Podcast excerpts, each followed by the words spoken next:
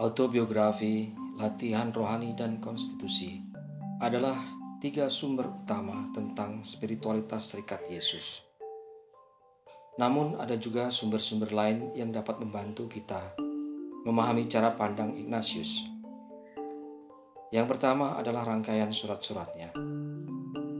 Di masa hidupnya, Ignatius menulis sekitar 6.813 surat ke berbagai orang, baik laki-laki maupun perempuan. Ignatius adalah salah satu penulis surat terbanyak di zamannya. Ia berhasil menulis lebih banyak dibandingkan dengan jumlah surat yang pernah ditulis oleh Martin Luther dan John Calvin bila digabungkan bersama. Dan juga lebih banyak dibandingkan dengan Erasmus, satu dari penulis ulung zaman itu. Ignatius melakukan hal itu di tengah kesibukannya sebagai pemimpin umum yang harus mengatur ordo religius yang baru, membuka sekolah, menerima utusan Vatikan, duta besar negara-negara Eropa, minta izin dari pejabat gereja, pejabat pemerintahan, berdoa dan merayakan Ekaristi. Dan tak lupa juga tetap berkirim surat baik kepada laki-laki maupun perempuan, imam Yesuit, para suster, kaum awam, para bangsawan dari seluruh dunia. Dengan begitu, menjadi jelas bagi kita semua bahwa Ignatius pastilah seorang manusia serba bisa sejati. Surat-surat itu bukanlah email yang ditulis dan dikirim dalam sekejap, Beberapa suratnya merupakan sebuah karya agung, mengombinasikan antara peneguhan, nasihat, berita singkat, dan dukungan, serta cinta yang menyentuh dan menggerakkan hati. Seperti kebanyakan figur publik pada abad ke-16, Ignatius pun berpendapat bahwa menulis surat merupakan sebuah seni. Seperti tokoh-tokoh religius lain, ia memandang kebiasaan menulis surat ini sebagai sebuah pelayanan. Ia memberi nasihat kepada para superior Yesuit yang sedang menjabat, khususnya di tanah misi, untuk menulis dua surat sekaligus.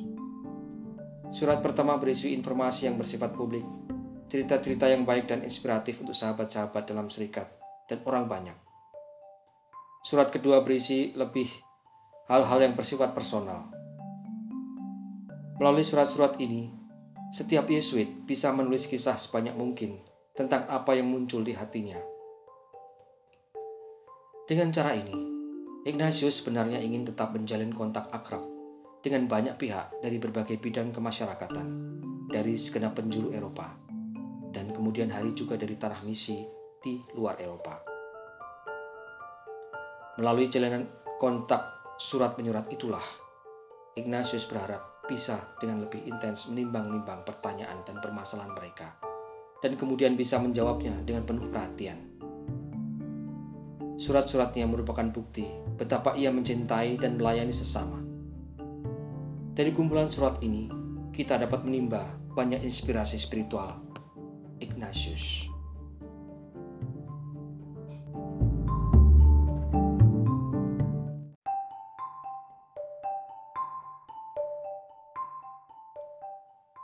Sumber lain agar bisa memahami cara pandang Ignatian adalah melalui kegiatan para Yesuit dalam bukunya The First Jesuits, Pastor John W. O'Malley menunjukkan agar memahami spiritualitas Ignatian sangatlah penting untuk tidak hanya melihat apa yang pernah ditulis oleh para Yesuit. Lebih dari itu, juga perlu melihat dan mendengar apa saja yang telah mereka lakukan. Sumber itu bukanlah dokumen, tulis O'Malley. Sumber itu adalah sejarah sosial Ordo Serikat Yesus, khususnya di tahun-tahun pertamanya. Inilah faktanya bahwa para Yesuit perdana itu telah mendirikan berbagai karya seperti sekolah khusus untuk anak laki-laki dan wisma untuk membina para pelacur. Bahkan di waktu lain lagi, para Yesuit ini malah bisa menjadi penasihat paus atau menjadi anggota tim ahli penasihat teologi bagi sebuah organisasi, semisal Dewan Hubungan Lintas Agama. Karena itu mulai dirasakan perlu adanya sebuah keterbukaan hati untuk berani membuka karya-karya baru yang bisa jadi tidak atau belum pernah disebut dalam konstitusi. Dan kalau membaca karya-karya awal mereka di bidang pendidikan, maka akan terlihat bahwa perhatian besar Ignatius diletakkan dalam konteks akal budi, proses pembelajaran, dan keilmuan.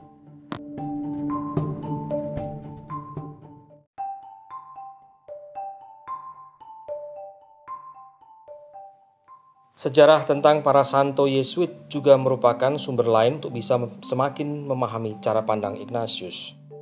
Para kudus ini telah mengaplikasikan wawasan rohani yang pernah mereka dapatkan dari spiritualitas Ignatian dalam hidup mereka, termasuk bahkan dalam kondisi sosial politik yang ekstrim dalam satu episode hidup mereka. Apakah mereka itu seorang santo Yesuit bernama Isaac Jogues dan santo Yohanes de Brebeuf yang pernah bekerja di antara kaum Indian Huron dan Irokis pada abad ke-17?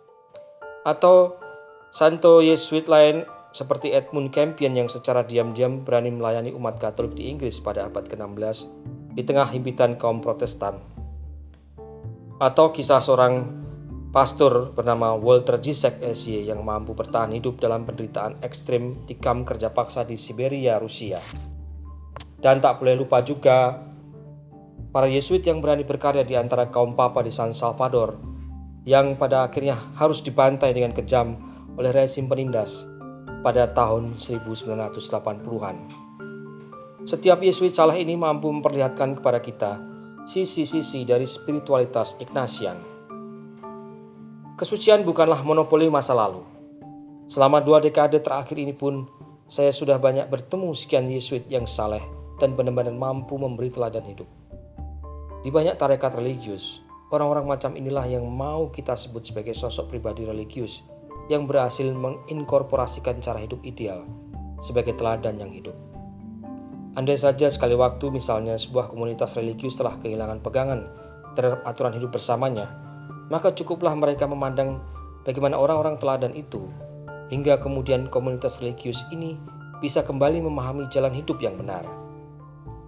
Teladan yang hidup yakni kisah tentang para santo ini, nanti akan bisa menjadi sumber lain untuk memahami berbagai inspirasi rohani, khususnya tentang spiritualitas Ignatian.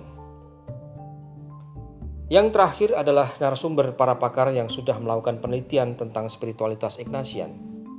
Yang mengembirakan adalah bahwa para pakar ini tidak hanya terbatas di kalangan imam, bruder, dan frater Yesuit. Dalam perkembangannya, yang membuat Santo Ignatius sangat gembira tentu bahwa para pakar spiritualitas ini meliputi para biarawati Katolik, para imam, bruder, frater dari berbagai kelompok religius lain. Bahkan ada pula pimpinan gereja dan kaum awam dari kelompok tradisi Kristen lain, serta banyak lagi datang dari tradisi religius yang berbeda. Mereka semua saling berbagi dalam inspirasi spiritualitas Ignatian. Beberapa dari mereka adalah para pakar dan penggiat spiritualitas Ignatian.